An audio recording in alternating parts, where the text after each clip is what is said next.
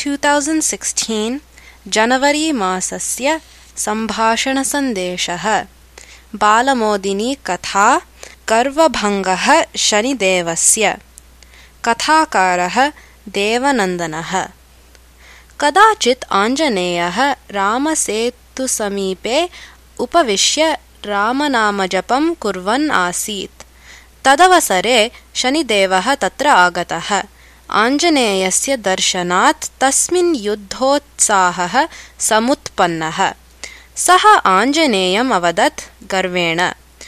अरे कपे आत्मानं महावीरं मन्यसे ननु आगच्छ मया सह युद्धार्थम् इति। आञ्जनेयः शान्तस्वरेण अपृच्छत्। आर्य भवान् कः इति? तदा शनिः गर्वेण अवदत् अहमस्मि शनिमहाराजः। परमतेजोमयस्य सूर्यदेवस्य पुत्रः। मम नाम्नः श्रवणात् एव सर्वे जनाः भीताः भवन्ति इति। अहो भवानस्ति सूर्यदेवस्य सुपुत्रः। सूर्यदेवः तु मम गुरुः। कुरुपुत्रेण सह कथं युद्धं क्रियेत मया? इति अवदत् आञ्जनेयः। अये भीरवः एतादृशानि वचनानि वदन्ति। शूराः तु युद्धाय सन्नद्धाः भवन्ति। इति उक्तवान् शनिः। तथापि आञ्जनेयः युद्धप्रस्तावं निराकृतवान्।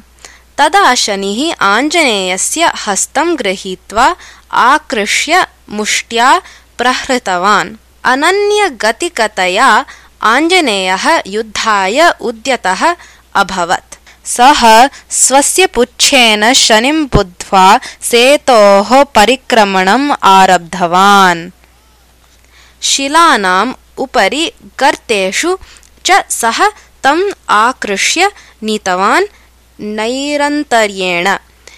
एतस्मात् शनेः देहः क्षतविक्षतः जातः। पीडां सोढुम् अशक्नुवन् शनिः दैन्येन आञ्जनेयदेव मां मुञ्च मां मुञ्च इति बहुधा प्रार्थितवान्।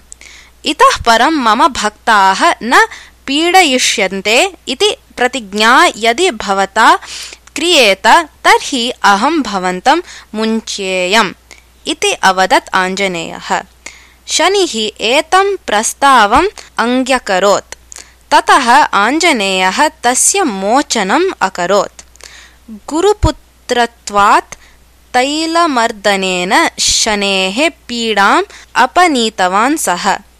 एतस्मात् नितरां सन्तुष्टः शनिदेवः आञ्जनेयम् आशिषा अनुगृह्य ततः निर्गतवान्।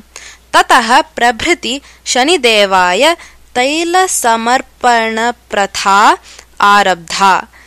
तैलसमर्पणात् सन्तुष्टः शनिदेवः भक्तानाम् अभीष्टं पूरयिष्यति इति जनानां विश्वासः। कथा समाप्ता।